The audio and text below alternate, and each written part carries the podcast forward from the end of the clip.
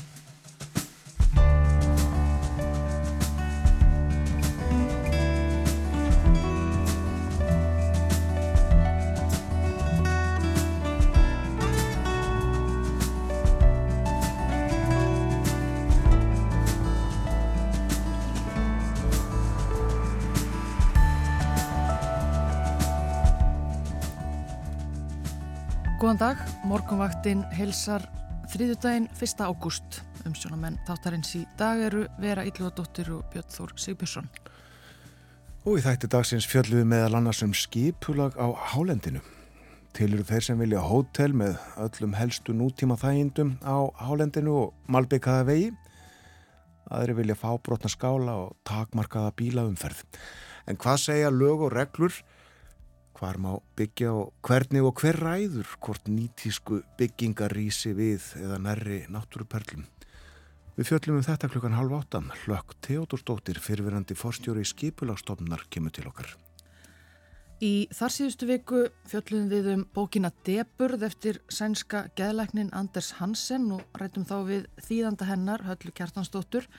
Og kápu bókarinnar er spurt af hverju líður okkur svona illa þegar við höfum það svona gott og svarið er samkvæmt bókinni að finna í heilanum í okkur. Bókin fjallar ekki sístum heilan, þetta lífæri sem skiptur okkur svo miklu en við vitum í raun furðu lítið um. Já, hvað vitum við eiginlega um heilan og um hugsunina? Við rifjum upp viðtal við Kára Stefánsson, forstjóra íslenskrar erðagreiningar frá 2017 um einmitt þetta, um heilan og hugsunina upp úr hálf nýju. Artur Björgun Bodlason verður með okkur eftir morgun fréttinnar. Á dagskrá Berlinarspjáls í dag eru stjórnmál. AFD hjælt flokksþingum helgina og færist enn lengra til hæri ef eitthvað er skilst okkur menning líka til umfjöldunar Vagner hátíðin í bæröð stendur yfir og þar hefur Ólafur Kjartan Sigurðarsson söngvari slegið í gegn meðra en þetta á nýjunda tímanum. Svo er það selitnir við strendur landsins. Selatalningin mikla fór fram á sunnudaginn. Það er sela setur Íslands á kvamstanga sem stendur árlega fyrir henni. Sjálfbúðaliðar, ganga strendur og telja seli. Og hvað ætli selirnir hafi verið margir í ár? Örvar Birkir Eiríksson, framkvæmdastjóri selasetur sinns, ætti að geta frætt okkur um það. Hann verður á línunni hérna rétt á eftir.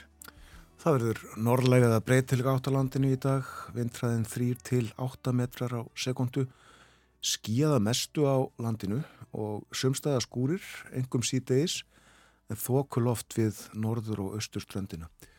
Og það verður áfram skíjað norðan og austalands á morgun miðugudag og sumstaðar dáli til væta en bjart viðri um landið suðvestanvert. Hitti í dag 8 til 17 stig hlýjast suðvestan til. Það er uh, talsvært fjallað um þessa þóku í hugleðingum viðfræðings. Já, það er uh, eh, láskíð og þókuloft nokkuð víð á landinu. Það er uh, þóka á góðstöðunum á Reykjanesi og Þess vegna hefur lítið sem ekkert sést til eldgossins í nótt, þetta skrifar veðurfræðingur á veðurstofu í hugleðingum sínum. Þennan uh, morgunin vindur með allra hægasta móti á landinu og uh, áframhaldandi hæglætis uh, veður í kortunum og ástæða þess, ástæða þess að veðrið er svona rólegt eins og það er um þessa myndir Skrifar veðurfræðingur er svo að lægðir halda sig víðsfjari. Það er gangarunar á færibandi til austurs langt fyrir sunnan land og nú á þessum þriðutasmotni þá er einlægð stött á Norðursjó. Umhverjus hanna er myndalegt regnsvæði. Strax í kjölfar þeirralægðar fylgir önnur og um, spár gera ráð fyrir að súlægð valdi auðsandi rykningu og kvassviðri á Breitlandsegjum í nótt og síðan á meginlandi Evrópu á morgun en eh, þær komast sem sé ekki hingað læðirnar. Við lítum á fórsíði morgunblassins og eh, nefnum fyrst að eh, á henni er alveg hreint einstaklega glæsileg ljósmynd. Fimm dálkar auðvita og nær djúft niður á fórsíðuna og á henni er örn. Hann stendur þarna á grjóti og með vangina úti og uh, horfir niður ætla að sé ekki að reyna að skima eftir æti getur best trúa því og myndina tók Róbert A. Stefánsson við uh, getum vel trúa að, að uh, þetta sé Róbert Arnar Stefánsson fórstuðum aður náttúrustofu Vesturlands en uh, frettin er svo þess efnis að uh, Íslenski Arnarstofnin hann hefur ekki verið stærri meira en öll og hann nefnur nýjar lendur. Talningu Arnar Unga sem sendtaka flugiði nýlega lokið. Fjallaðan um þetta í blæðinu. Örnin er tækifæri sinni og getur það sem hann á auðveldast með að grýpa hverju sinni, segir hérna. Svo er fjallaðum uh, biskupsmál og uh, það gerðist í því í gær að uh, forseti kirkju þings fól kjörstjórn að uh, undibúa biskupskjör. Og hvers vegna, jú, uh, það var uh, lagaleg óvisa um stöðu biskups, fylgst með þessu síðustu dagu en það er líka lagaleg óvisa um biskupskjör. Rætt hérna við önnu Mjöll Kallstóttur, hún er formaður kjörstjórnar kirkjuþings og uh, hún uh, bendir á að, að uh, nú all, þurfi kjörstjórn að fara yfir þetta erindi fórsetta kirkjuþings, Drífu Hjartaldóttur, bregðast við því en Anna Mjöll segir að Drífa hafi sendt þetta erindi til kjörstjórnarinnar personulega en ekki fyrir hönd kirkju þings eða forsætis nefndar þess. Og uh, það er rætt við hana hér uh, nokkra spurningar borðnar upp og meðal annars þessi hér. Hvað gerist ef nýr biskup er kosin og sá sem fyrir er neytar að víkja? Og einhverja langa veldur um það en uh, það er ímislegt í þessu sem ekki er gott að svara uh, Morgunblæðið uh, nýst þygt í dag og sé því flett kemur í ljósa að helsta ástæða þess er að því fylgir mikið fylgiritt um fiskidaginn mikla.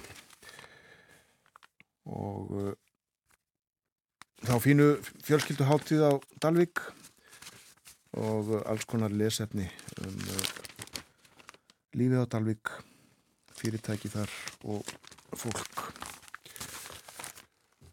En það er þetta með eh, biskupin, engin verður óbar en biskup segir uh, máltækið. Og hvaðan allir það nú komi? Þetta orðatiltæki, engin verður en biskup. Voru biskupar landir í gamla daga? Að því var spurt í uh, erindi sem að uh, sendt var vísindavefnum og Guðrún Kvaran profesor var til svara. Þetta er frá 2006 engin sérstök saga verðist tengdu máltækið engin verður óbarinn biskup með því er átt við að engin nái langt án þess að hafa lagt hart að sér ekki einu sinni biskupar í sögunni af Guðmundi biskupi góða er frá því sagt að hann hafi verið heldur ódætli æsku og verið barinn til bókar Hún var refsað sannsagt ef hann laði ekki aðeins þér við námið. Hann náði þó að vera biskup. Ef tilvill vegna þess að hann var tuktaður til barinn.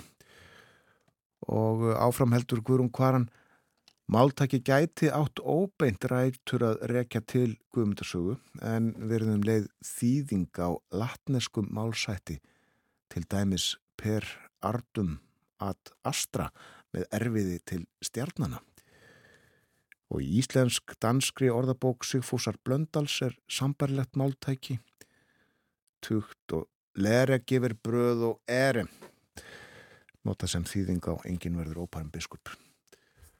Orðasambandið að berja einhver til bókar er þekkt úr fornumáli og er notað enn í dag þótt fáum sér haldið að bóklæstri nú til dags með basmiðum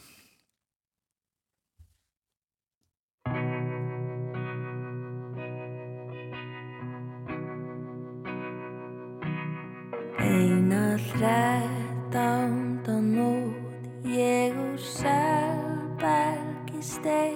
og með dansi og sög blámóttin leið.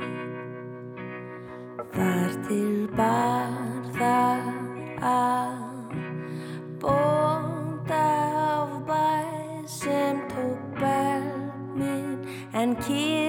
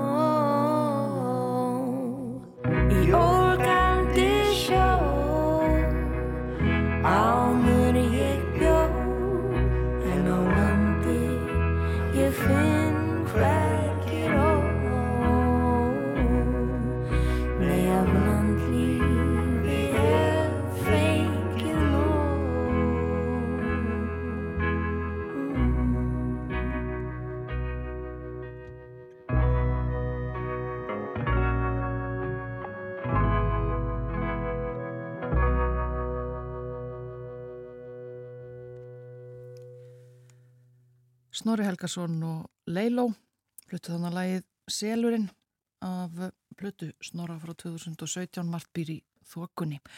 En eh, talandi um seli, selatalningin mikla fór fram á eh, sunnudag. Það er eh, sela setur Íslands á kvamstanga sem að stendur fyrir árlegri selatalningu og við erum komin í samband við Örvar Birki Eiríksson, framkvæmdastjóra selasetursins, kontur sæl. Já, sælblessu. Já, segðu okkur aðeins frá þessari selatalningu, hvernig fer þetta fram? Jú, þetta, við hefum gert þetta svona byrjum ásins 2007 og þetta hefur verið gert síðan þá með smá hlið þarna melli 2016 og, og 20 og það sem gerum í rauninni er bara við uh, fáum sjálfböðliða sem að ganga rauninni strandlengjuna hérna svona 100 km strandlengju eða svo. Hérna við kvamstónga eða sem í húnaðingi vestra.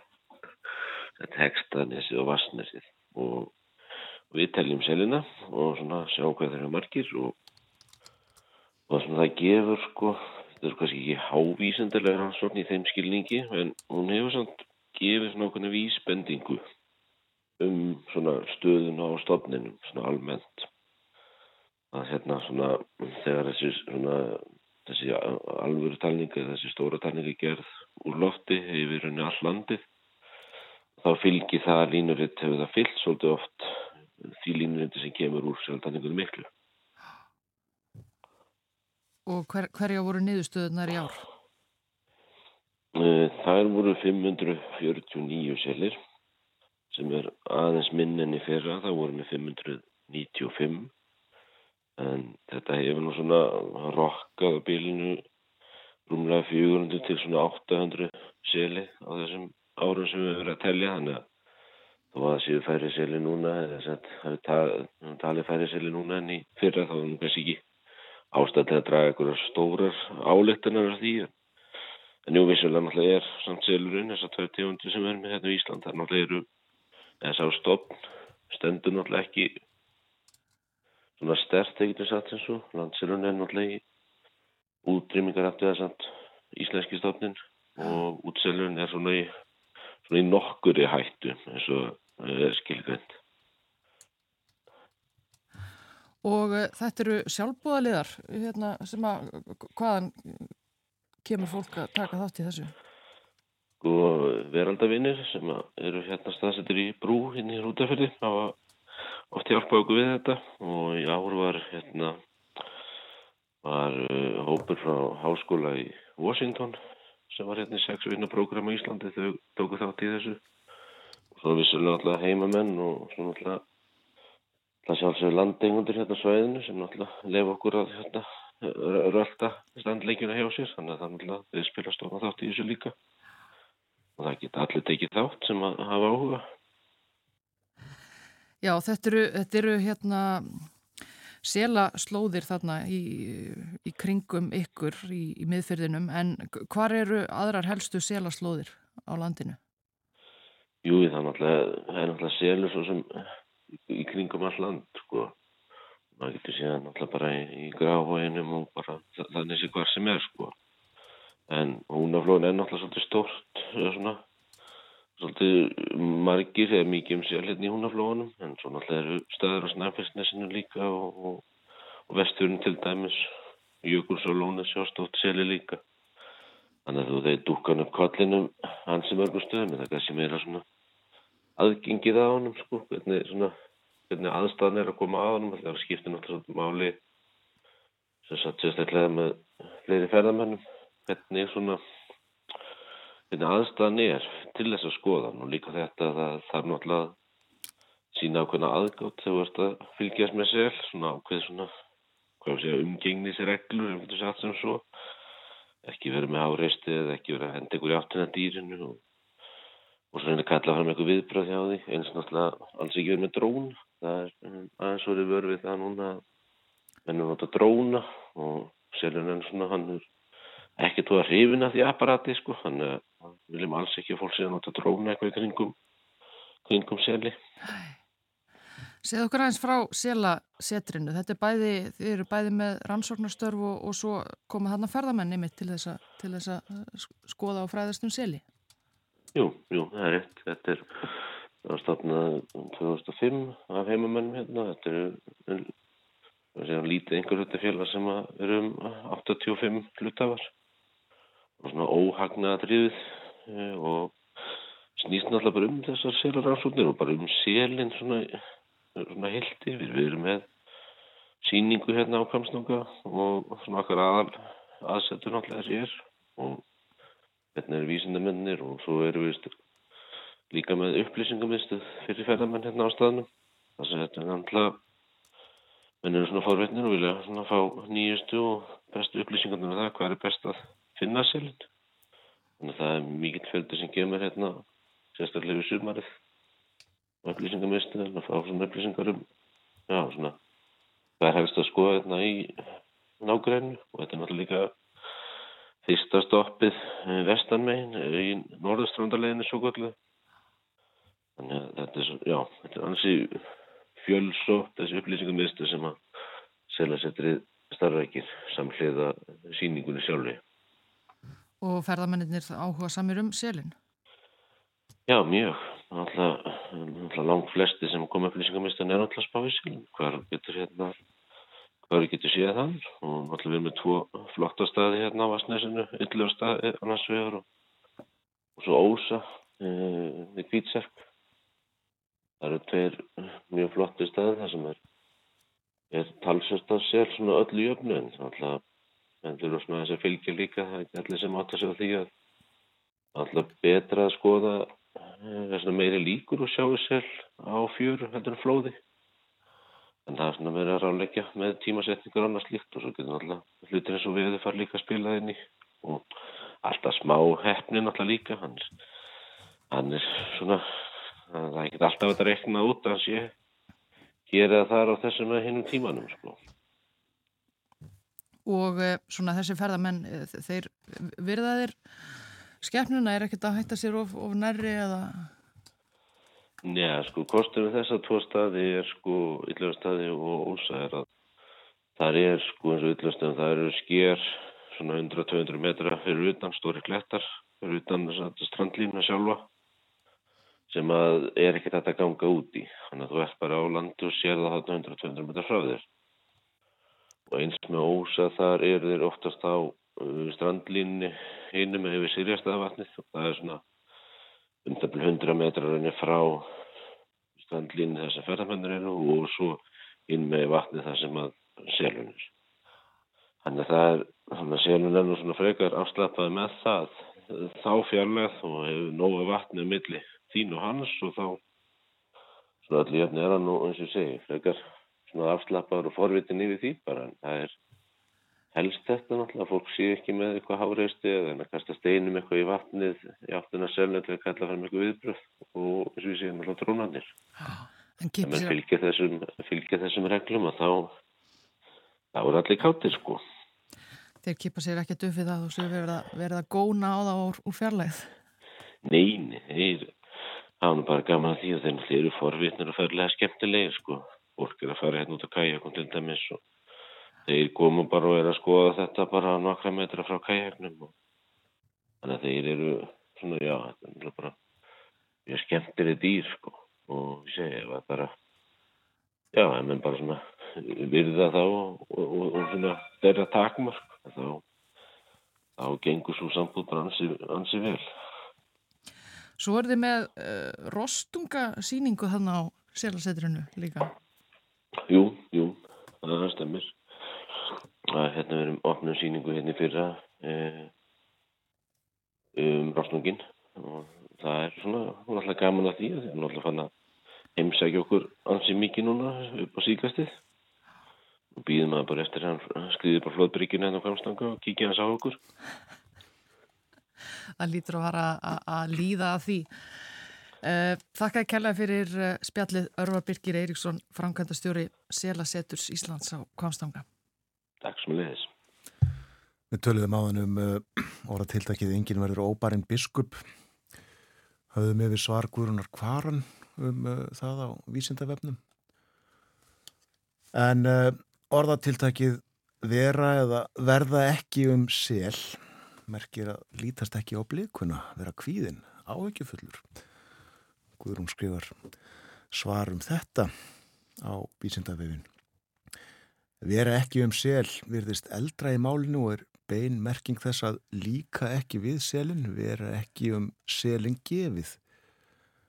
Og uh, þetta orðatiltækja á rættur að rekja til þjóðtrúar og þess að margir höfðu ímugust á selnum og hér er tilvitnun í ferðabók Egges Ólafssonar og Bjarnar Pálssonar. Það gegnir furðu að alþýða manna á Íslandi elur í brjósti einkennilega tilfinningu blandna viðbjóði og virðingu gagvart sel selnun. Orsakir þessa eru í fyrsta lagi svo fávíslega skoðun manna að selir líkist mönnum meira í skatnaði en öll önnur dýr og styrkir forvittni selin, selana og skinnsemi á ýmsum sviðum þessa skoðun manna. Guðrún Kvaran á eh, vísindaföfnum verð ekki um sel.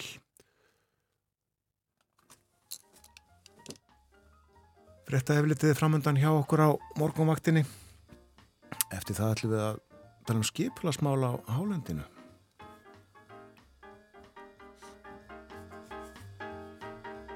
Og segjum þá þessu næst aðeins frá fótbolltanum kæft á HM í Ástralju og á Nýjasjálandi líf og fjör í leik Hollands og Vietnam já, líf og fjör Hollandsmegin staðan er 4-0 markalust hins vegar í leik Portugal og Bandaríkjana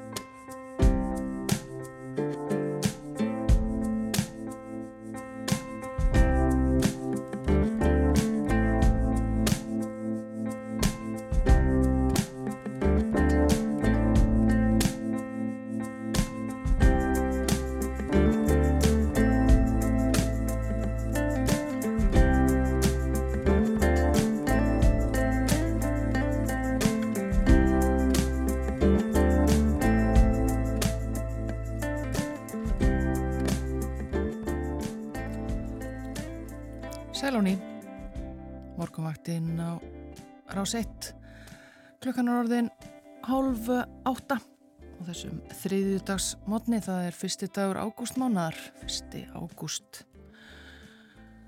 Og eh, vindur með allra hægasta móti á landinu, samkvæmt eh, spáni, spáð eh, þremur til átta metrum á sekundum í dag norðlæri eða breytilegri átt. Skíaða mestu á landinu og sumstaða skúrir, engum síðdeis en þokuloft við norður og austurströndina. Og það verður áfram skíaða norðan og austanlands á morgun og sumstaðar dáli til væta en bjartviðri um landið suðvestanvert.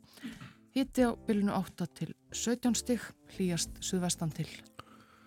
Ég minni á að Artur Björgum Bodlason verði með okkur eftir fréttinnar klukkan átta, Berlínar spjall á sínum stað og svo vera allir við að fræðast aðeins um heilan. Já, við töluðum um heilan hér í uh, þarsíðustu viku, rættum um uh, sænska bók Deburð sem fjallar um, um heilan og það hvaða áhrif heilin starfsemi heilans hefur á það hvernig okkur líður og hvað við hugsum og svo framvegs og svo framvegs og samkvæmt henni þá vitum við ekki mikið um heilan en þó eitthvað og fundum við því til gamalt viðtal hérðan uh, úr þættinum frá árunnu 2017 þegar að uh, Kári Stefánsson var gestur þáttarins og rætti mitt um heilan og hugsunina. Það ætlum að leika það hérna upp úr uh, hálf nýju. En nú aðru, fyrir rúmum tveimur vikum var Ólafur Örn Haraldsson, náttúru unnandi og útífistamæður hér í þættinum. Hann saði okkur þá frá jarlættum og næri likjandi svæðum á hálendinu. Hann var hér líka í gær og talaði um mælifelsand, torfajökul og fleira. Saði okkur sögur af bæði mannskaða og ástum á hálendinu. En þarna um daginn þá vek hann að skipulagsmálum, uppbyggingu, hótelum og vegum, grípum hérna stuttlega niður í spjallokkar mér finnst mjög umhugsunarvert hvert í raun og veru stefnir um uppbyggingu ferðarþjónustu á hálendinu. Það er, finnst mér, hefur brostið þessi stefna sem var gerð að það erði engöngu um svona fjallaskála, svona myndarlega skála að, að ræða þar en að luxusun sé hafður út við jæðar hálensins. Þetta var alveg, það var bara meittlaði stein. En hvað sjáum við núna? Ég, ég treysti mig bara til þess að nefna Gjellingafjöld og ég treysti mig til þess að nefna að það er hugmyndir sem nýlegar framkomnar um uppbyggingu í landmannlögum og náttúrulega hverja vellar hafa verið nefndir og auðvitað kallar þetta á það að þeir sem að reyka þetta, þeir þurfa náttúrulega að hafa fjegi í sína til þess að nása þessari arsemi og þá þarf að ebla þjónustuna og hún þarf að vera sérhæfðari og það þarf að fleiri það er uh, góða vegi og það er um gotanum. Þannig að mér finnst að þarna hefur þessi múr sem var slegin um miðhálendið, um skilgreiningu á luxus eða bara myndalum uh, skálum, uh, þetta hefur verið rofið og við sjáum það náttúrulega það, þetta kallar náttúrulega á, á allt annað yfirbarað. Ólafur Örn Haraldsson á morgunvaktinni fyrir tveimur vikum. En hvað má gera? Hvar má byggja og hvað, hvernig, hver ræður því? Hlökk Teodóstóttir var forstjóri skiplastofnar í eh, áratug líklega, kenni nú við Háskóla Íslands. Velkomin til okkar á morgunvættina. Takk fyrir. Múrin Rófin, saði Ólafur Örn. Já, ég get alveg tekið undir þessi orðans og ég, ég deila alveg þessum, þessari upplifun og þessum áhaugjum sem að hann lísti hér í, í þættinum fyrir, fyrir nokkur síðan að það er svona, það er ákveðin svona tilning sem við sjáum á, á svona undanförnum árum og misserum og svona sem er í pípunum e, til að fara í meiri uppbyggingu og svona láta reyna á öll viðmið og þann þól þeirra stefnu sem að liggur fyrir. Og, og ég held að við þurfum að lesa það svolítið líka í samhengi við náttúrulega þennan gríðarlega, þessa gríðarlegu fjölgun ferðamanna sem að, að hefur orðið hér á svona síðasta áratug og, og kannski bara það að nú sjá menn viðskiptatækifæri þarna sem ek, síður var eða ekki áður. Áður var náttúrulega voru þetta fyrst og fremst gánamannaskálar og, og, og útivista samtökun, svo ferðarfélag Íslands og útivist sem að fóru fram meira af bara hugssjón og, og svona félagsabli heldur en gróðamón að byggja upp einhverja lámas aðstöðu hálendinu til þess að, að hýsa e, fjallafólk og ferðarmenn. Sko. Já.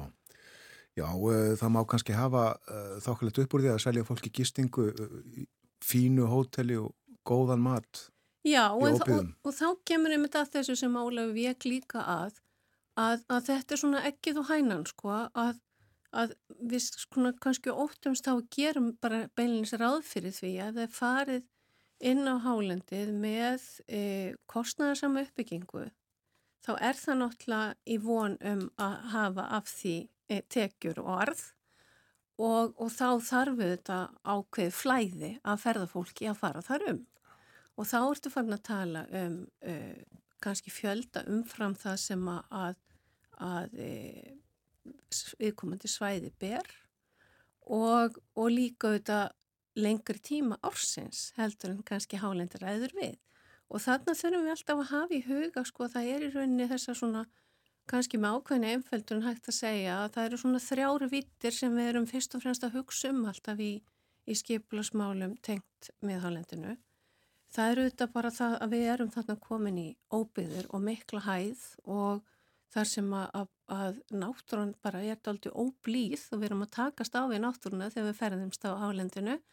Uh, veður eru válind og það er allra veðra von á öllum ástímum Þannig að, að, að fólk sem að ferðast um þetta svæði það þarf að vera undir það búið og, og kunna takast á við náttúruöflin. Þannig að það er svona varhugavert að, að stefna öllu ferðarfólki og í miklum fjölda inn á hálendi. Það er ein, ein, einvitin.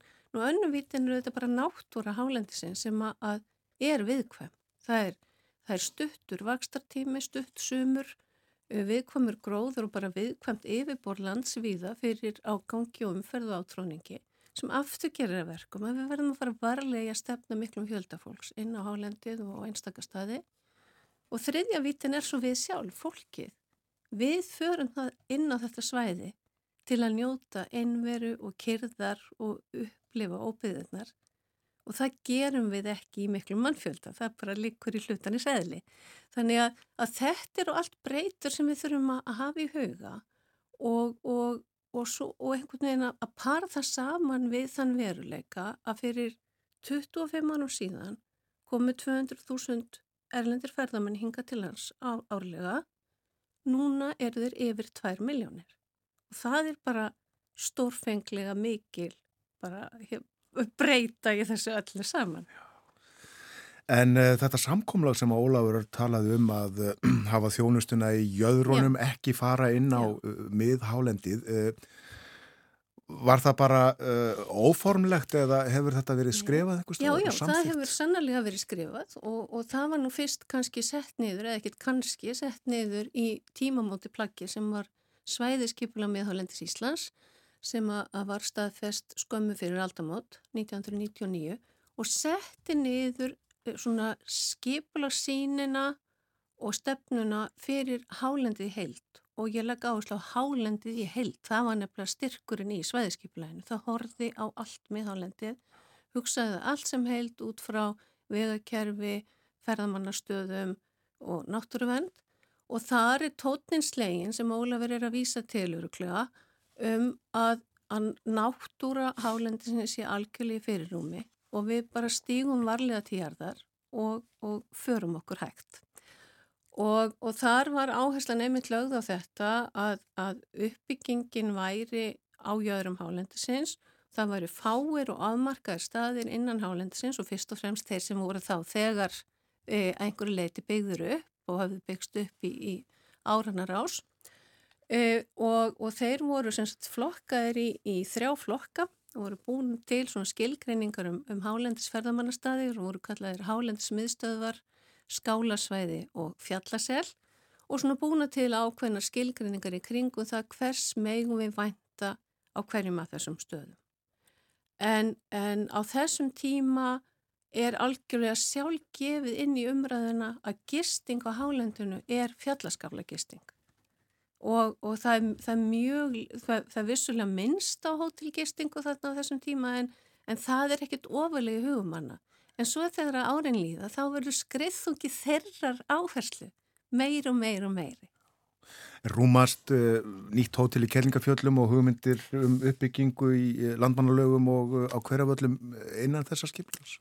Sko, þá kemur aftur að því að, að þessi stefna, hún er ekki þannig meitlu niður, hefur aldrei verið að, að hún segja fyrir um fermetrafjölda, byggingarefni, gestafjölda, herbyggjastarð, fjöldasalerna per gesti og allt það.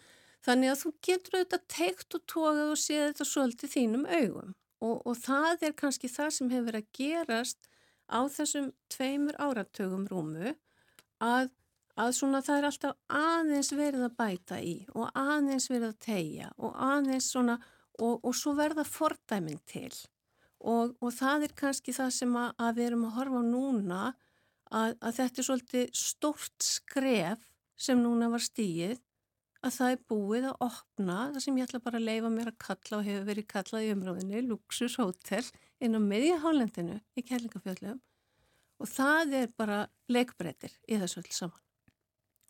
Já, akkur má ég ekki byggja hér fyrst þau móttu byggja þarna? Já, mm. já.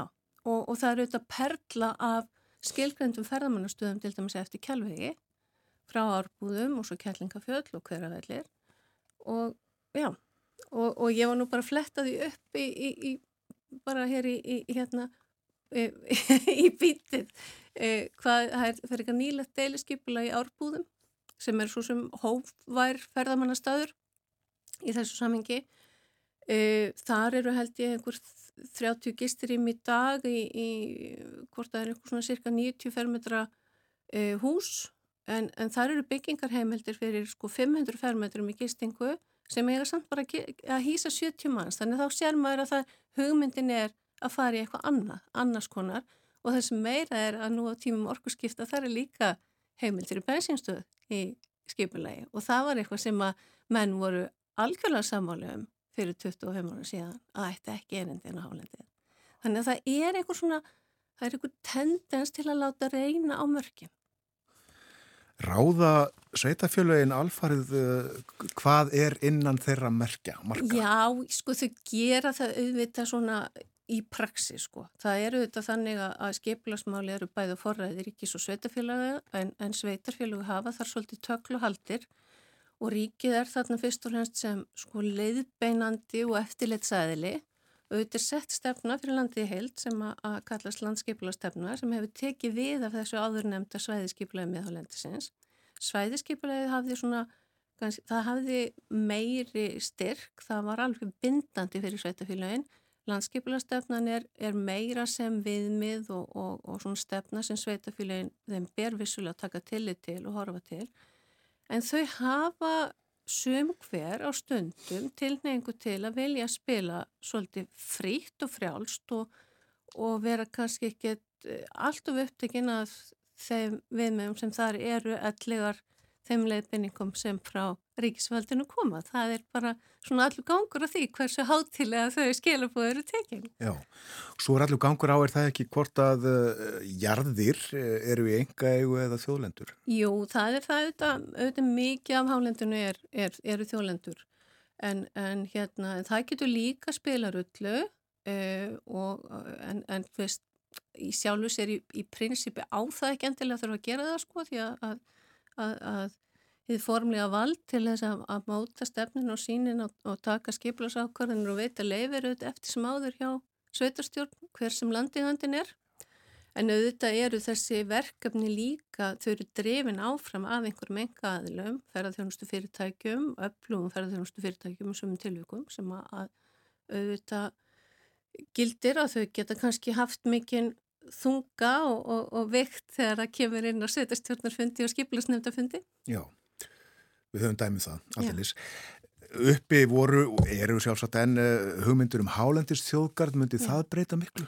Já, það myndi gera það og, og, og kannski erum við sko því miður núna einhvern veginn í þeirri stöðu að, að við erum búin að horfa þennan vaksandi ferðamann að fjölda á undanfjöndum árum og, og svona upplif og sjá þennan svona þessan hennan tendens til að fara í átt til aukinar uppbyggingar en, en á þeim tíma kannski hefur ekki verið tekist að vinna ná markvið skref í áframhaldandi stefnumótun um hálendið í heild e, af því að, að þjóðgars áformin hafa strandað. Og, og við erum svolítið stödd þar að við erum með e, landskiplastefnu sem er orðin e, hvað, þá er ég að rekna, e, sjö ára kömul. E, við erum með e, verkefni sem átt að fara af stað á hennar grunni um nánari stefnumótun um hálendið, um, um ferðarþjónustu staði og um veðakerfið sem hefur ekki orðið að veruleika kannski svolítið vegna þess að allt púðri var sett í að undirbúa hálendstjókar sem við erum svo ekki komin með.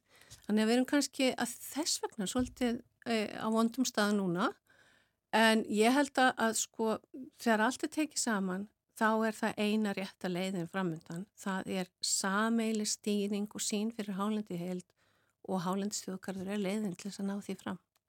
Þau sjóna með eru uppi að uh, betri gístistæðir, uh, hótel, uh, betri vegir, gerir fleirin kost og tækifæri á að koma á hálendið? Jú, það liggur í hlutans eðli að þið gera það. En, en bara ég vísa til þess að ég sagði áðan um, um sko bara aðstæður á hálendinu og, þessa, og það sem að, að við e, erum að sækjast eftir þegar við förum inn í óbyðir og það verður ekki kert með því að beina öllum massanum þanga. Það er bara ókleift. Við getum ekki talað um uh, að þess að minnast á vindmilur. er það? Hver lístur á hugmyndir um vindmilugarða á hálendinu? Það er, það er náttúrulega ekki heima á hálendinu. Það er svo einfalt. Ekki frekar einn luxushótel. Og uppbyggðir malbyggðaði vegir. Nei. Þú vilt bara ekki sjá neitt. Ég er bara sem minnst.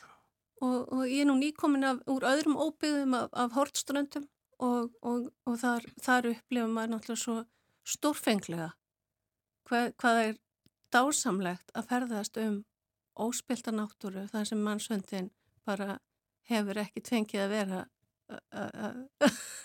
Líkur mikið verðmætti í því Feikilega mikil mm. og, og við verðum bara að horfast í aug við það að það verður eldri gert þannig að allir hafi tök á að vera þar eða komast á það, bara, það fer ekki saman Nei. Heldur að uh, ég hönd færi einhver átök um þessi mál? Þetta er, já, sko, já og nei, ég menna, ég held að þetta sé bara, þetta er sífælt efni til, til ágreinings og, og, og skoðanaskipta og, og aldrei verða allir alveg samála um hvað er rétt að gera á hverjum staði eða almennt. E, það held ég að sé, já, við vitum þess vegna erum við ekki komið með hálendstjóðkar. Nei. Þakkaði kellaði fyrir að koma engað á morgunvaktin og fara yfir þessi mál með okkur. Hlögt Teodórsdóttir, eh, kennari við háskólan, eh, var fórstjóri skipulastofnunar í, var það ekki í, tíu ár sem varst þar? Ég var þar í nýju ár. Nýju ár, nýju ár höfum það á hreinu. Takk, takk.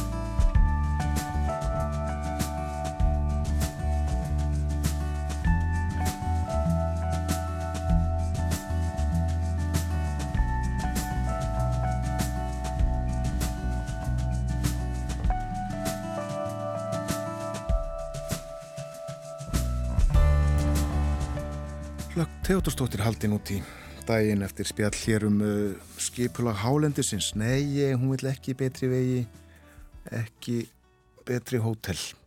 Alls ekki vindminur. Það er háleikur í uh, fyrstu leikjum dagsins á háum kvenna. Sögðum myndusnæðis á þá hér uh, áðan. Portugal og Bandaríkin annars vegar og Vietnam og Holland hins vegar. Staðan svo litið í þessum tveimur leikum það er markalust hjá Hollandi og Bandaríkunum í háleik nokkur mörg kominn hinum einn staðan 5-0 fyrir Hollandi gegn Vietnam Meira heldur en hjá Val og Káar í gæri í Östubænum. Valur vann bara 4-0 þar og síðan eru tveir leikir eh, til eh, viðbótar. Báðir eh, samtímis eins og nú er. Það er þeir hefjast klukkan 11 Hædi Danmörk og Kína England.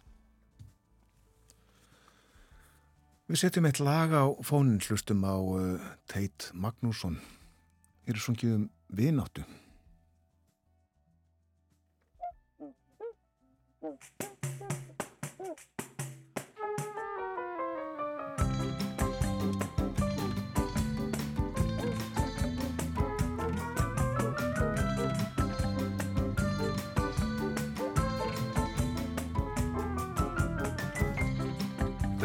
sæk ég að þér í kvöld. Vinur, vina, vinna Í hverju ertu, hvað ert að fá þér í kvöld? Vinur, vina, vinna Af örlæti allur, mætur í skvaldur. Vinur, vina, vinna Verðuru húsum hæfur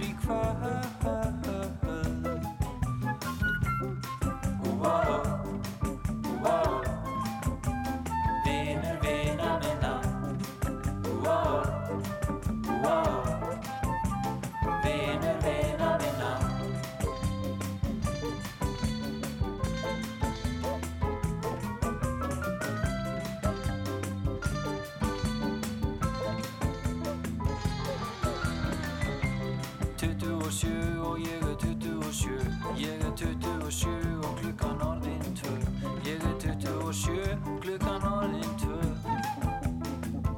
27 Ég er 27 Ég er 27 Við erum saman 2 27 Ég er 27 Ég er 27 Og við erum alveg bæði alveg 27 Hvernig sæk ég að þér í kvöld?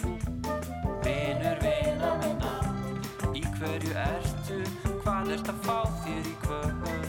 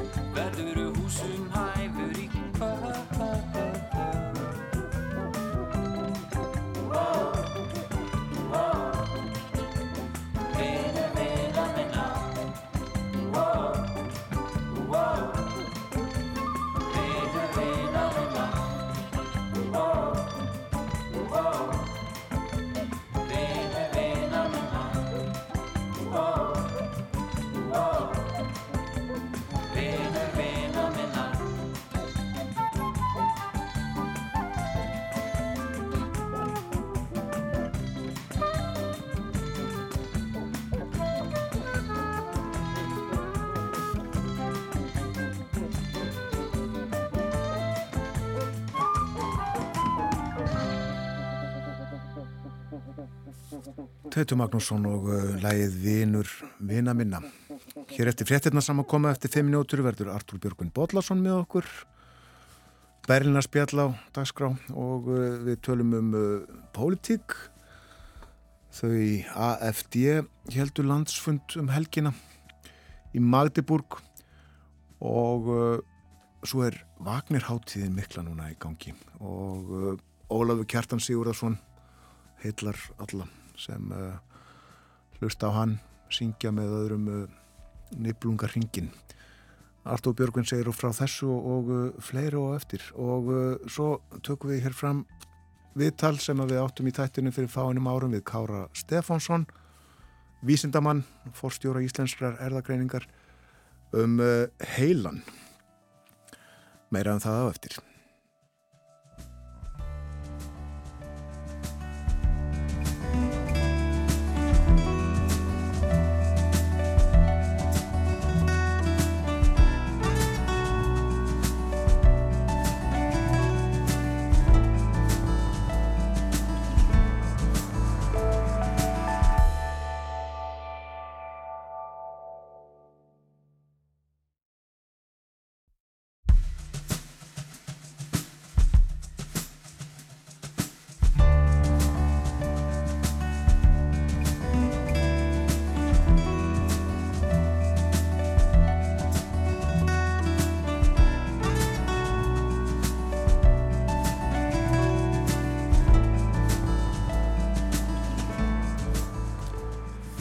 Sæl aftur þegar það hlusta á morgumvaktina á Rás 1.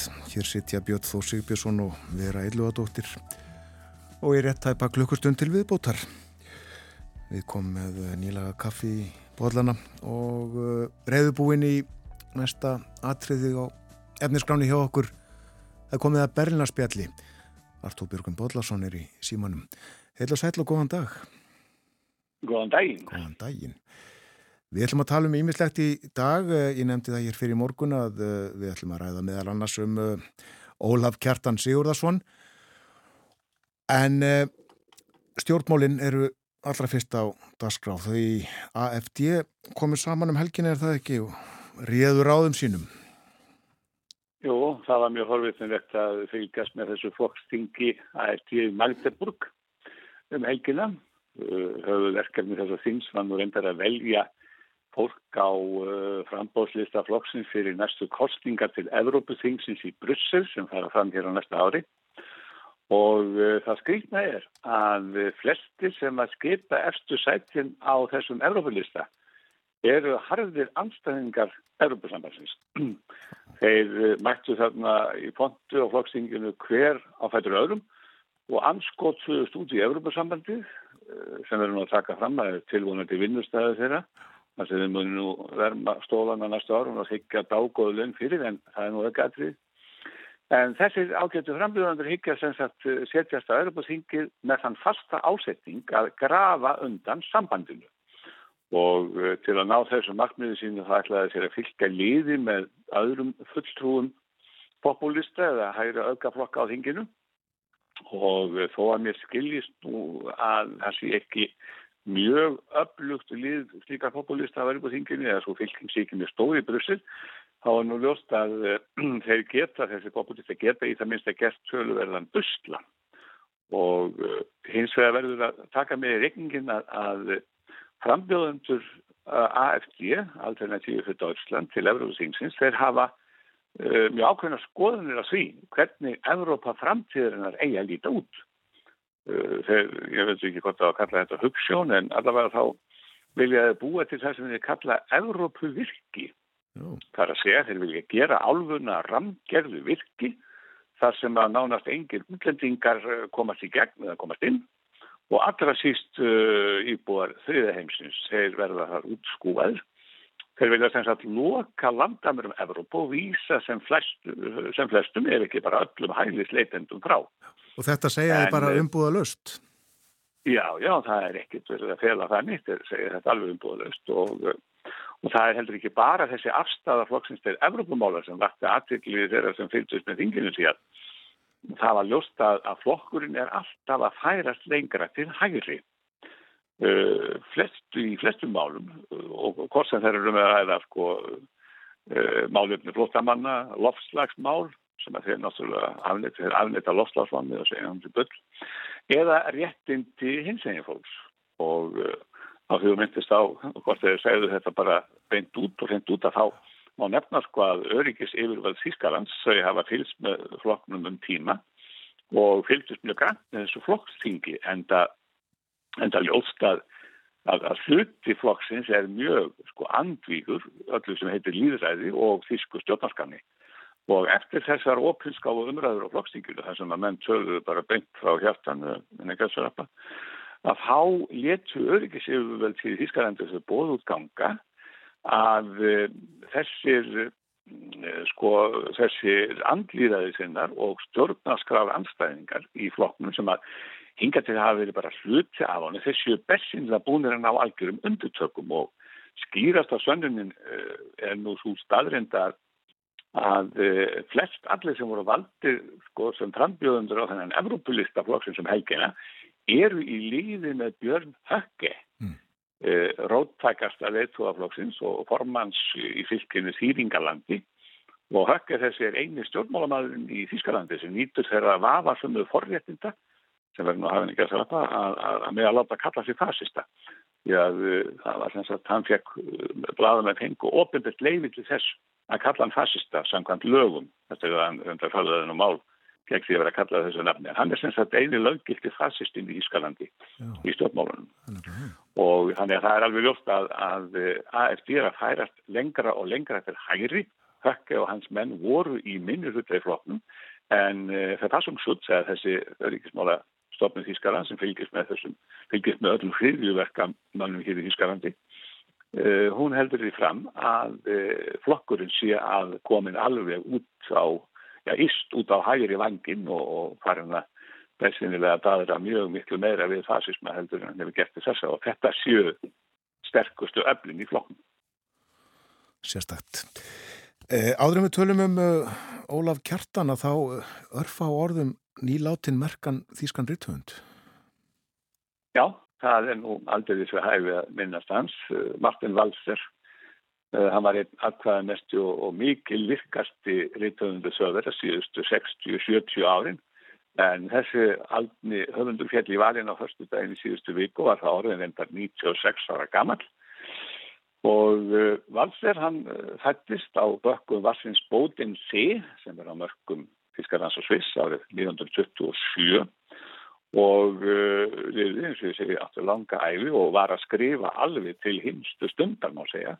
Og hann sendi frá sér á sínu langa ferli tulli boka uh, hann skrifaði mikil fjölda skaldsagna hann var öflugur smásagnahöfundur og sandi sömulegði fjölda leikrita bæði fyrir svið og útvar og svo var hann líka einhver aðkvæða mesti essayist eða ritterasmiður uh, söðverja um langt ára eða áratuga skeið.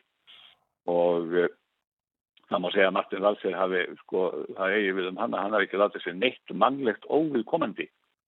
Uh, heldur, heldur svona lifiði hann má segja í, í anda þeirra orða rítöfundarinn Sjambór Sartru sem sagði á sínum tíma að það veri köllur rítöfundarinn að skipta sér að því sem hún kem ekki við Já. og uh, Martin Valsir var trú þeirri í köllum sinni allar tíð og stundum þá allir skrif hann sem þjóðtíðarmál miklu fjárafokki ekki síst uh, ræða sem hann flutti fyrir nokkum áratugum þar sem hann þegar var að taka við velunum, hann var búið að hrúa á hann öllum hugsanlum velunum, ég held að hann fengi öll bókmyndavelun sem hættir að fá í Ískarandi og ég einnig ræði við velunum afhendingu og þá uh, sagði hann hluti um helfurinn að var að gagna það að þjóðveri letu menningunum hann að buga sig um ofa það allir miklum fjara hann múið taka fram að hann fór líka svona svolítið eins og Haldur Lagsnes okkar maður í gegnum margar margar sveplur um dagana. Kommunist í mikill og þóttettingur og yngri árum en, en svo svona með árunum að þá fór hann að verða að huga þeim fræðum og var svona orðin frekar íhaldsamur undir lokin en ekki svo mjög, hann átti til að stökka og sveipa út af sér sem íhaldsmaður líka þannig að hann var ekki, hann var bara frjálfugsuður og hugsaði bara eftir sínum eigin leiðum en en eftir því sem er best við þá kom þessi ágættum maður einu sinn til Íslands uh, á 1979 þar sem hann las og verkum sínum áslagarði En e, það má segja svona í stuttum máli, þá getum við ekki haldið um einhver bókmættar fyrirlustu hér mm. e, á þessum vettfungi og þessum tíma en, en það má segja að með vald, valdsverð hafi fallið í valin svona síðastu höfundur þeirra kynnslóðar fískara ritthöfundar sem liði setni heimstöðvöldina yeah. Og, og sem sagt eftirstíðsárin sem höfundur og, og í þessum hópi voru höfundar að borðið Hanri Böll, Gunder Grass og Hans Magnús Ensensberger sem er nú nýtt áinn og þessi menn er allir hórnir að sjónasviðinu þannig að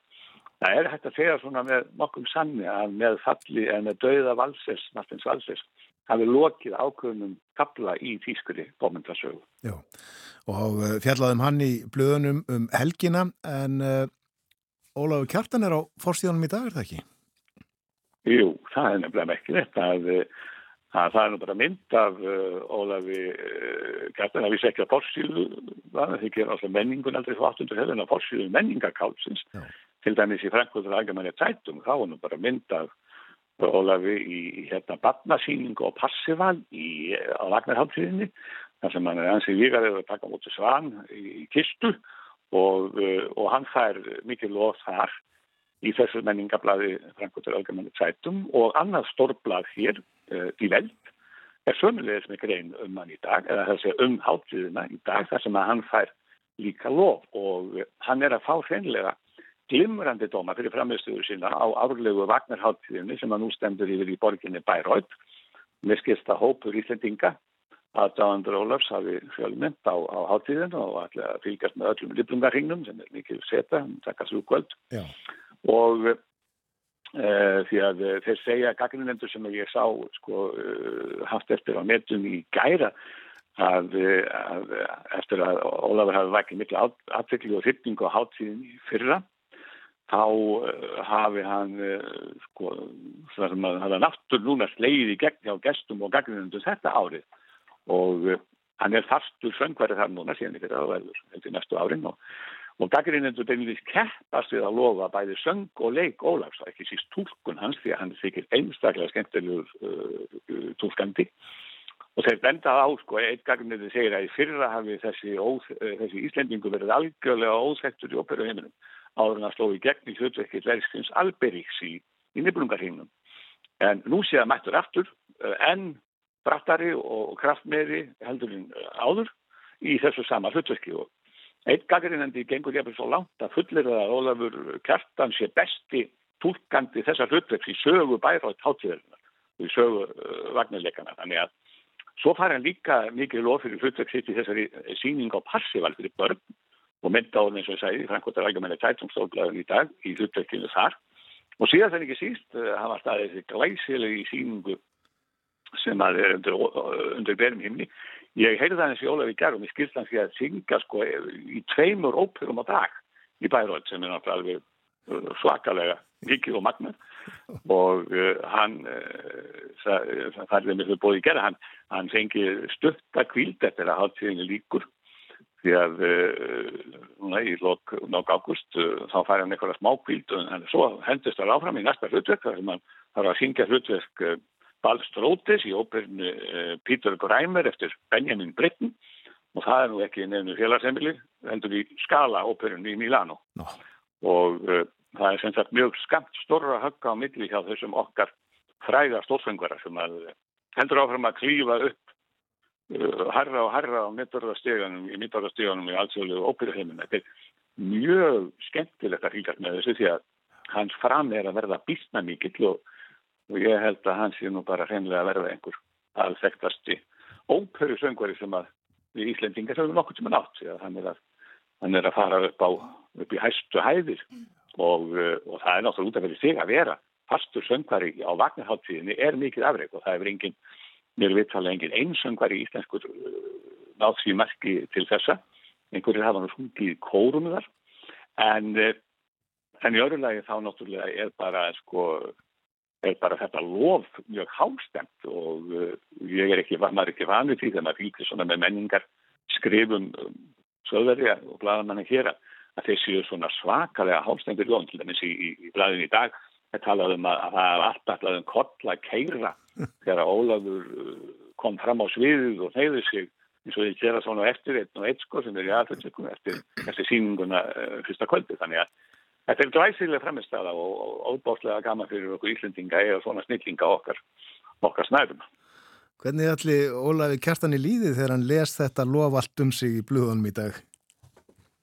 Ég hef nú genst Ólafi svolítið og ég held að hann kippi nú ekkert upp í þetta. Hann er afskaplega, hann er afskaplega, hann er mikill rósenda maður, hann er svona kraftmikill ákveðin en, en hann er algjörlega laus við alla stjörnustæla, við notum það orð. Já. og uh, hann er það verða, ég held að sé að byrja að vendjast þessu líka, hann fær mikið og gott fróðs fyrir það sem hann gerir og, en hann tekur þessu heldur mjög jafnaði geði eins og hann á kyn til því að hann er ekki, hann er náttúrulega gríðarlega mikilvægt tónleika fjölskyldum. En eru vanið því að, að, að fá lof fyrir sína frammerstöði til familju og fyrir sína músík. Og uh, ég held að hann er fættur inn í tónlistarheimin og Ég held að takja sem ég jafnaði ekki þið. Hann er alltaf gæðslugur karakter og, og er ekki með meina, meina teikt úr úr þetta. Nei. Egu ekki Artur Björgvin að hlusta á Ólaf Kjartan? Er þið endilega og mér dætti hug þegar við vorum að spá í það sko að það var alveg gaman að heyra að syngja lag eftir Sigfús Haldursson, það er nú ég setti óperu músík en uh, heldur svona léttari tæginu uh, en Sigfús Haldursson er öllum íslendingum, eða uh, flestur íslendingum mjög kær, tónsmiður og hann sandi lag við ljóð Sigurðar Sigurðssonar frá, Sigurðar frá Arnarholti á sín tíma sem heitir Í dag og mér finnst þetta gaman að þessu lægi með Ólafi Kartani vegna þess að hérna hann tólkar þetta af svo mikill einlífun, hann er svo mikill leikari og hann er svo flottu tólkandi og það nýtur sín fyrst með svolítið en maður hlusta grætt á þetta, þetta lag. Hlustum á það, uh, hlustum á Ólaf Kjartan syngja, Ólafi Vignir Albertsson leikur á píanóðu. Kæra þakki fyrir í dag Artur Björgvin. Takk sem leiðis.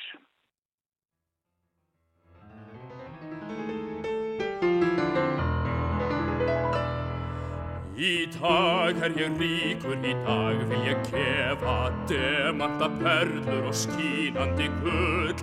Gakk þú í sjóðin og sættu þér nefa, hún sál þín er mettuð og barma full. Það er ókeipis allt og með ánægju fallt og ekkert að þakka því gullið er vald.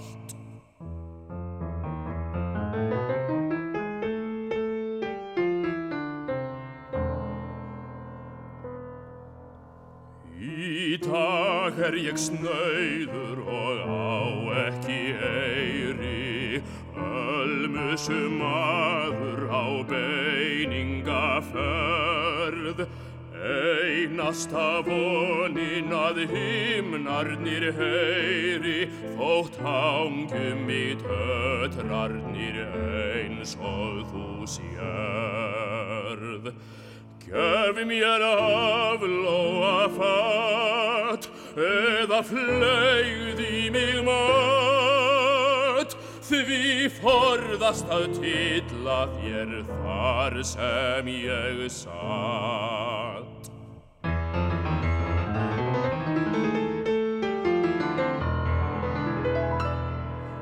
Í dag er ég gladur, í dag vil ég syngja og dansa til morguns við hverja sem er.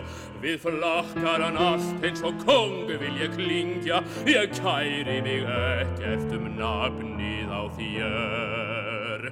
Þú ert vínur minn víst, eins og veröldin snýst, á viksla ég skrifa nú eins og þér líst.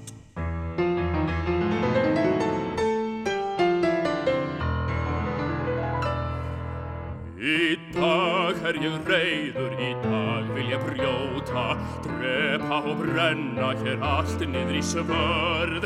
Hengja og skjóta, alla helvítist rjóta, rækin úr skíin á sökvandi.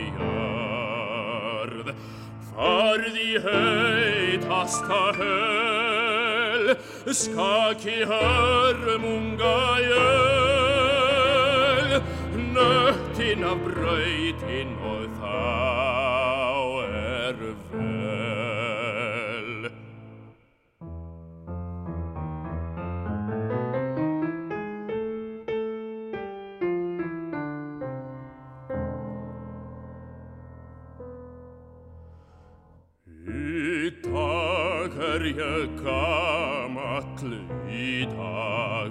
ég þreyttur, drúpin og yfir tæmdum sjóf.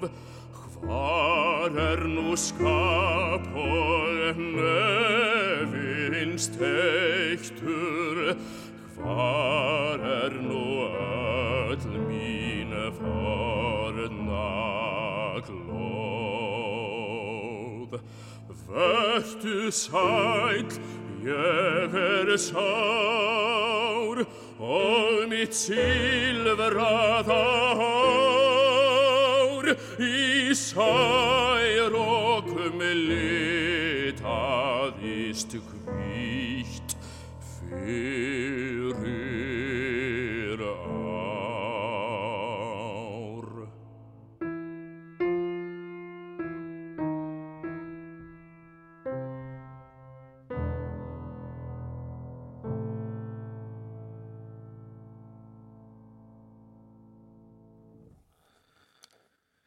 Í dag, Ólafur Kjartan Sigurðarsson söng, Ólafur Vignir Albertsson leika piano, Sigfús Haldursson sandi lægið, Sigurður Sigurðsson frá Arnarhaldi ljóðið.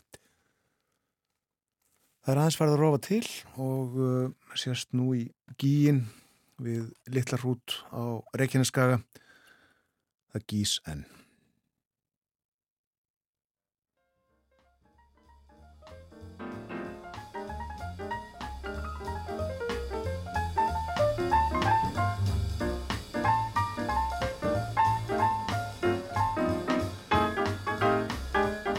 Klukkan er alveg að verða hálf nýju, við fáum frétta eflitt á slæginu hálf nýju og eftir það þá leikum við viðtal sem við áttum hér á morgunvaktinni fyrir fáinum árum við Kára Stefánsson um heilan.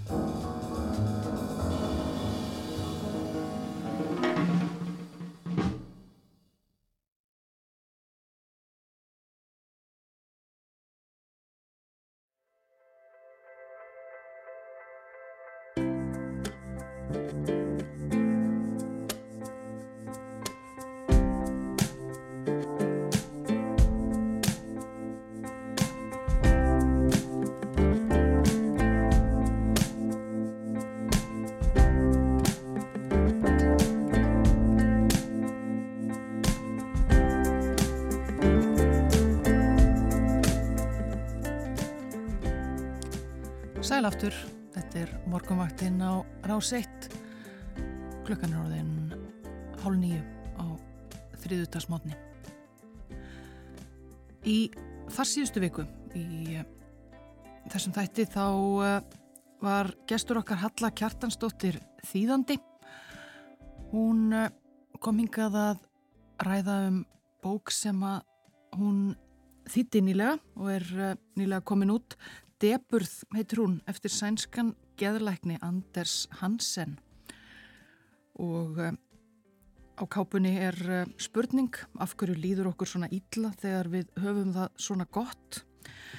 Og eins og Halla sað okkur frá þá um, er svarið við þeirri spurningu að finna í heilanum samkvæmt bókinni. Bókin fjallar um heilan, heilan sem líffæri, þetta eru þetta bara annað eitt af mörgum líffærum í mannslíkamannum en hefur gríðarlega áhrif á það hvernig okkur eh, líður og hvað við hugsum skiptir okkur miklu máli. En eh, við vitum kannski ekki mjög mikið um heilan í raun og veru. Já, hvað vitum við um heilan og um hugsanirnar sem að hrærast í heilanum? Í framhaldi af þessu spjalli við höllu um þessa bók þá uh, fundum við til viðtal sem að uh, flutt var hér í uh, morgunvaktinni 29. mars 2017. Þá rætti Óðin Jónsson við Kára Stefánsson, vísindamann og fórstjóra íslenskrar erðagreiningar. Tilefnið þá var fræðslufundur sem að haldin var í húsakynum íslenskrar erðagreiningar þann daginn um heilan og uh, um hugsunina. Við ætlum að uh, rifja upp þetta viðtal uh, við Kára. Skilgreinir hugsunin mannin var spurningin sem að þeir óðinn og Kári veldu fyrir sér. Homo sapiens sapiens, nútíma maðurinn, hinn hugsandi maður, já þessi tegund sem við erum af er skilgreynd út frá hugsuninni og það er þetta lífæri innan höfuðskelljarinnar sem hefur þetta hlutverk. En skilgreynir hugsunin mannin, þeirri spurningu verður varpa fram á fræðslufundi sem Íslensk erðagreining hefur bóðað síðdeis í dag. Stór spurning, fórstjórin Kári Stefansson, læknir og erðafræðingur er komin á morgunvættina. Velkomin. Uh, góðan daginn. Já, góðan daginn Kári. Þú, þú, þið leitið að hlutum sem að eh, kannski eh, er líka þarf að leita lengi að og en þið kannski hafið einhverja grunnsendur um að finnist? Í það sem við erum að, að einbeitt okkur að svól til þessa dagana er að nota erðafræði til þess að reyna að búa til stílinga á því hvernig heilin virkar. Já. Heilin er lífari E, eins og hjarta, nýru og hendur og fætur og heilin er búin til úr samt konar upplýsingum og hinn lífærin og heilin eins og hinn lífærin hann er með starfsemi sem á rætu sínar í byggingu sinni Já. og e, það þýður óskup einfallega að við erfum að hluta til í starfsemi heilans nákvæmlega eins og erfum starfsemi annara lífhæra. Það sem gerir starfsemi heilans svo mikilvæga er að e, þegar við förum í smáatrið á þessu að þá erum við sjálfum sér mjög lítið annað heldur en starfsemi heilans. Já. Sko ef ég tæti því og skrældi afgang líkamanns frá heilanum og heldi heilanum lífandi föttu, þá væri heilin þú. Já verður þess að, að e, þar væri þínar hugsanur og þar væri þínar tilfinningar og e, hugsanur og tilfinningar að vissuleiti stilgreina okkur sem einstaklinga innan tegundarinnar og stilgreina tegundina og má leiða því að röka að afgangu líka mann sé þarna engungu til þess að flytja heilan úr einum stað í annan og til þess að heilin eigi möguleika á því að ná sér í hluti og koma hlutum frá sér. En þótt að heilin sé svona mikilvægur og þótt hann stilgrein okkur bæði sem einstaklinga og, og dýrategund og gerir það með hugsun og tilfinningum þá höfum við eitt minnstu hugmyndum það hvernig heilin býr til hugsun. Við höfum eitt minnstu hugmyndum það hvernig heilin býr til tilfinningar. Við getum eitt einu svona stilgreint hugsanur og tilfinningar. Nei. þannig að við erum dýrategund sem veit okkur blítið um sjálfa sig. Og, og það sem við höfum gert alltið af upp á síkastið er að er að leggja uh, próf fyrir fólk í svona hugsanapróf, þetta eru próf sem mann kallu stundum í gamla þegar gafnapróf og uh, hefum verið að leita breytanleikum í erðamendinu sem að raða fólki á normaldreyfingar kurvi yfir hugsun. Já. í þeirri vona það að ef við finnum slíka breytur þá, þá flytið okkur þá biokémisku ferla sem að hugsun sem að baka hugsun búa. Við höfum líka tekið stöppbreytingar sem auka líkunar á sjútómum sem hafa áhrif á hugsun og tilfinningar eins og djæðklofa. Það er stöppbreytingar sem auka líkur á þessum sjútómum valda eftir sjútóminu hjá öllum. Og við höfum verið að skoða hugsun, eða letja hugsun á próf fyrir einstaklingar sem eru með þessar stöppbreytingar og hafa ekki fengið sjútómin og við höfum sínt fram á þessar stöppbreytingar breyta því hvernig menn hugsa. Já. Þannig við höfum verið að leggja töluvert á okkur við að, að eh, nota erðafræðina til að, að falma í leitað einhvers konar stilningi á, á hugsun og tilfinningum. En, en þar eru við orkum beinfallega að beita ákveðni teknológiu til að reyna að sætja þettingu þó að vandamálið sem lítur að hugsun sé kannski miklu meira þektingafræðilegt heldur en nokkuð annað vegna þess að við getum eftir stilgjent þetta.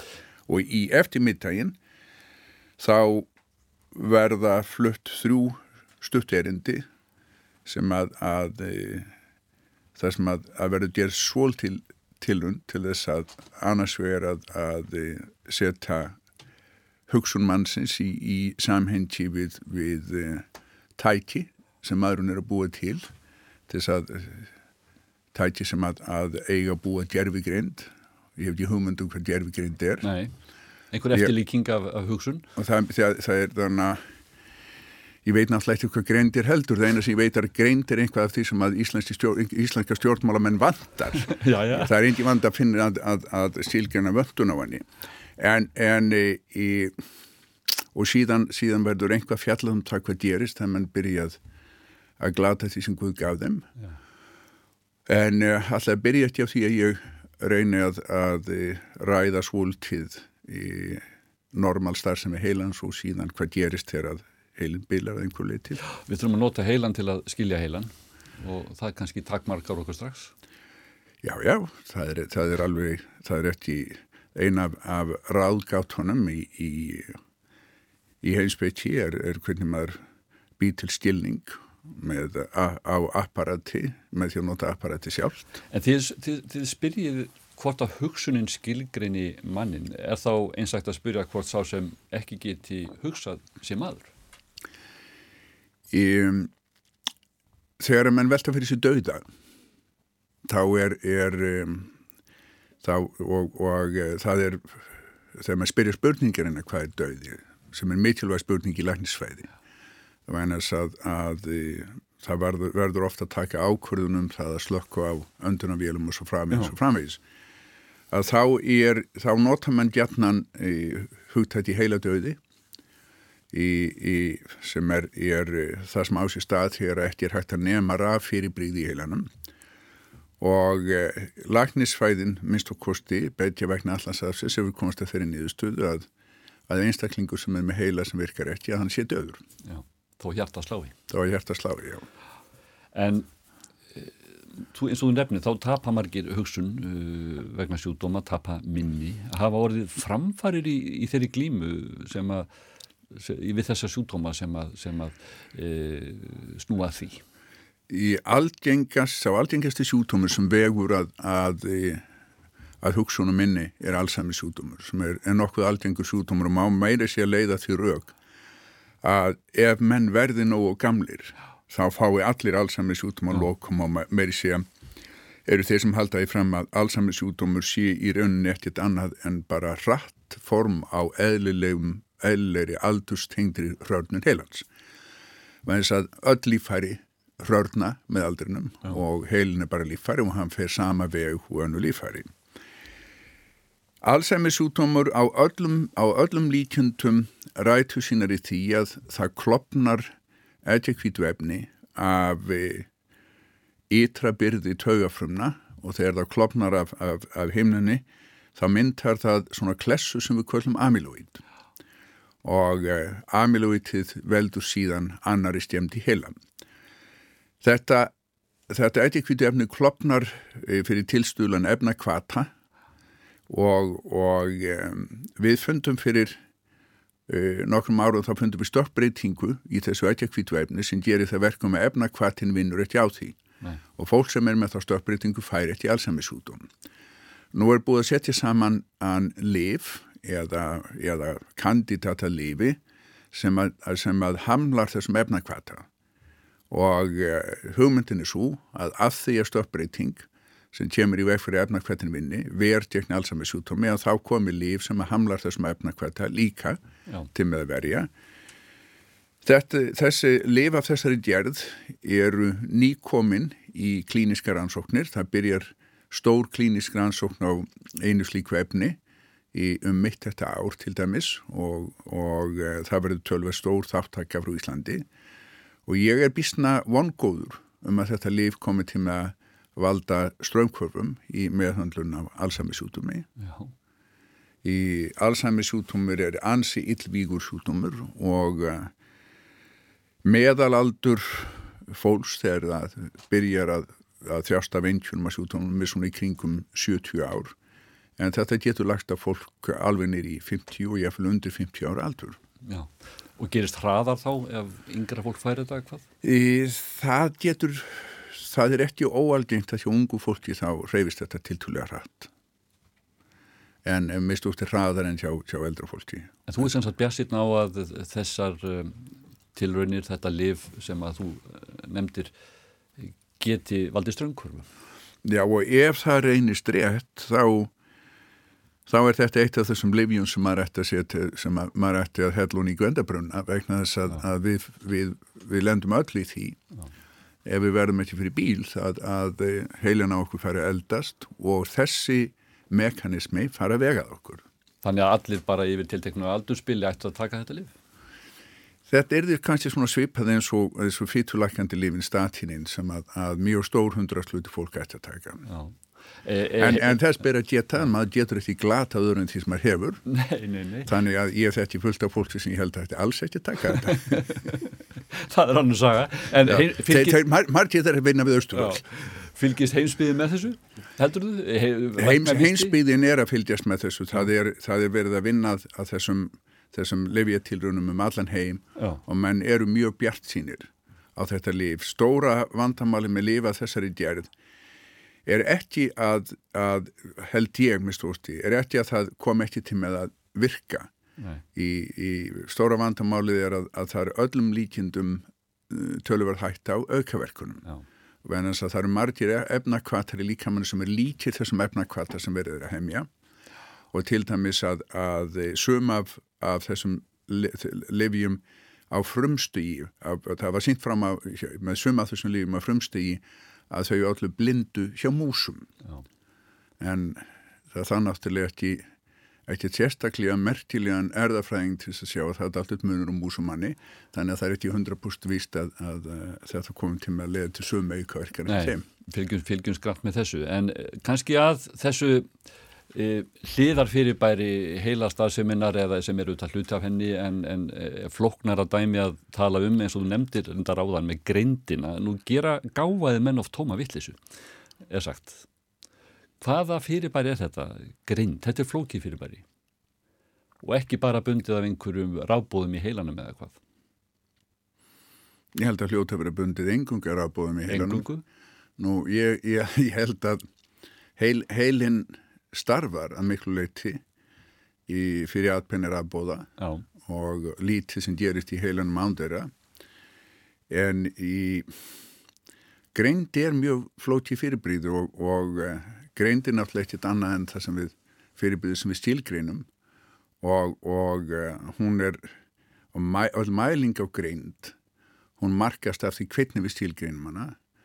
Og hún byggir uh, mjög mikið á, á þau stílgreining sem lang oftast er, notuð byggir mjög mikið á stöðlum í vestrannum samfélagum það er að segja við fína fólkið í í ríka luti heimsins við höfum sílgreint greint sem að, að þann hátt að það hendur okkur mjög vel. Já. Og svo og, hafa aðrir aðra skilgreiningar. Það má vel vera aðrir hafa aðra skilgreiningum. Já. En þetta er allt saman... Uh, og, og, er allt, já, já, þetta er... Þetta er allt þetta flæðir á... Já, já, já, nei, við viljum sagt að, að, að hvað er greint og hverju fórnaru fyrir hana.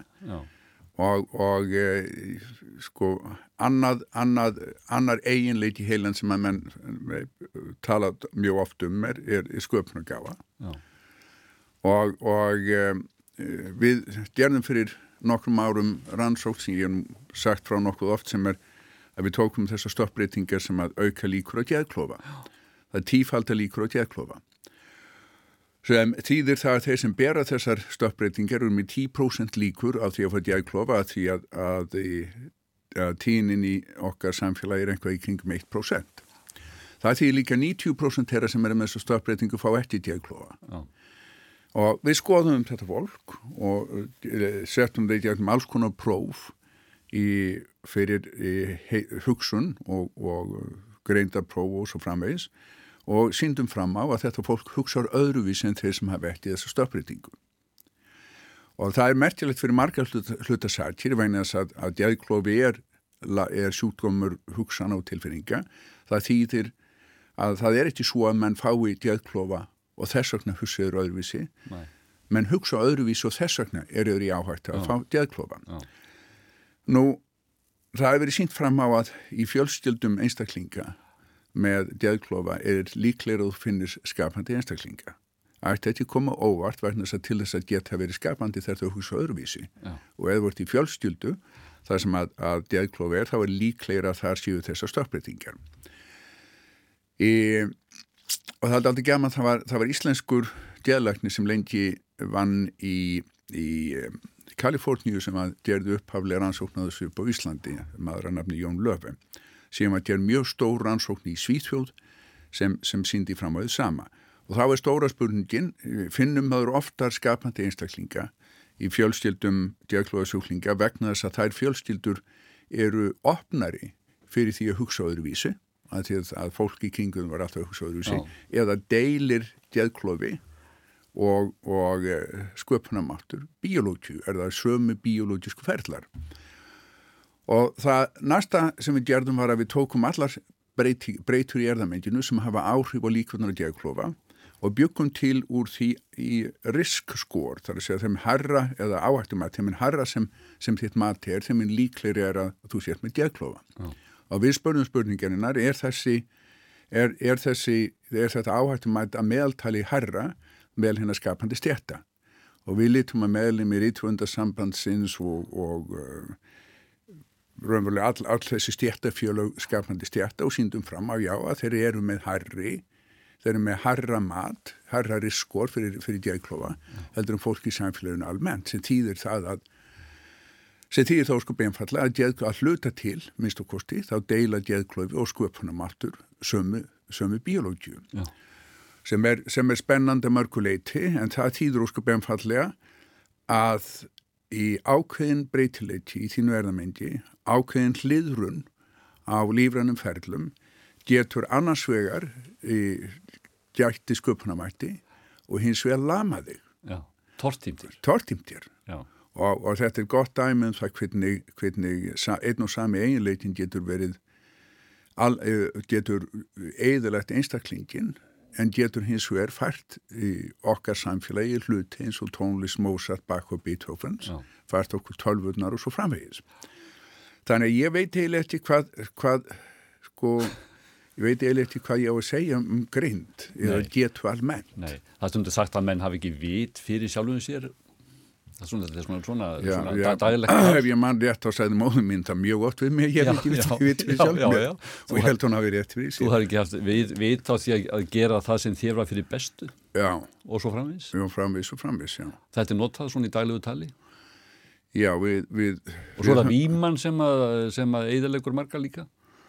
Já, það er að segja að, að mjög margt af þessum einleikum heilans hafa tvær hlýðar annars er kostinu hins vegar löstin á nákvæmlega hinnu sama. Það er að segja án getur sinnar til þess að endur taka í, þá væri maðurinn lítilsverði en tilnefingin til þess að endur taka getur verið mjög erfið fyrir einstaklingin meðal annars að endur taka það sem kemur þér í einhvers konar výmu það er að segja bæði bæði brennivín og, og alls konar annars konar efni sem að, að eh, eru vel til þess fallin að hjálpa þeir við að taka stjórnin af heilanum. Kanski bara síðustu að, að eh, þú, við höfum talað um þessar framfærir í rannsóknum varandi Alzheimer er, hef, hefur þú trú á því fullorðin maðurinn að, það, að núna á næstu áratöðum eh, skilju við miklu betur stafsými hugans? Sko, það er enginn vafi á því að allur mannlegur fjölbreytileiki á meira og minna rætu sínar í fjölbreytileika í röðum nýturbasa í erðamendjum. Það er einnig spurningum það. Og all líf á jörðinni, all líf á rætu sínar í, í, í DNA. Ja. Og til dæmis að munurinn á Hallgrími Pétursin og Blómstrún eina likur í mununum á röðum nýturbasa í erðamendi þessari tvæti lífæra. Og við er, það er verið að sapna saman um allan heim alveg gífulega miklu magni af upplýsingum um þessi tengsl millir fjölbreytileika í rauðum nýtibas annarsvegar og hins vegar fjölbreytileika í lífheimi heimsegar. Og þetta lítur að leiða til mjög mikil skilnings á því hver við erum, hvernig við erum og þar, þar á meðal til lítur það að leiða til dífulega mikil, mikilur aukningar í skilningi okkar á starfsemi þessa fyrirbyrði sem við köllum heilan. Þannig að þetta er bara lífærið nýraði lífæri sem býr til þvag, heilinni lífæri sem býr til hugsun og tilfinningar. Einu svoni bentum henn á hjarta þegar, þegar uh, menn hugsuðu eitthvað fallegt? Við gerum það ennþá og finnst alveg sjálfsagt. Það er allt í lagi að benda á einhvað, það er allt í lagi að benda á þannig hjarta þegar maður hugsaður eitthvað fallegt, þá maður gera það með heilanum. Takk fyrir komina, Kári Stímansson. Kári Stefansson á morgunvaktinni fyrir 5-6 árum, Óðin Jónsson rætti við hann um heilan. Kom upp uh, tilefni til þess að fjalla um heilan hér í þættinum eftir viðtal fyrir um það byrjum tveimur vikum eitthvað svoleiðis. Og uh, það þarf ekki alltaf að fá viðmælanda, það er stundum að fara í samnið, það er ímislegt til hérna, resilegt spjall hérna, sem þið róttu Stórar spurningar sem þið leituðu svara við. Hvað er greint, hvað er dauðin, hvað er hugsun og fleira. Það líður að lokum hjá okkur um, kannski nýjustu fótbolltafréttir vera en lengra haldið það. Eru örfóar mínútur eftir af fyrstu leikjum dagsins á HM Kvenna. Báðir uh, leikir komnir í uppbótar tíma. Marka regn í uh, leik Hollands og Vietnam staðan 7-0. Það eru tæpar, uh, tæpar þrjálmyndur eftir af þeim leik en markalust ennþá millir Portugal og Bandaríkjana þrjálmyndur eftir af honum sömu leiðis. Og eins og staðan er núna þá munu leikmenn Vietnam og Portugals fara upp á hótel að leikinum loknum og pakka fara heim. Holland og Bandaríkin komast áfram. Og svo leikið aftur setna þetta tvei leikir. Já, þeir hefjast klukkan 11. Báðir Hæti Danmörk og Kína England.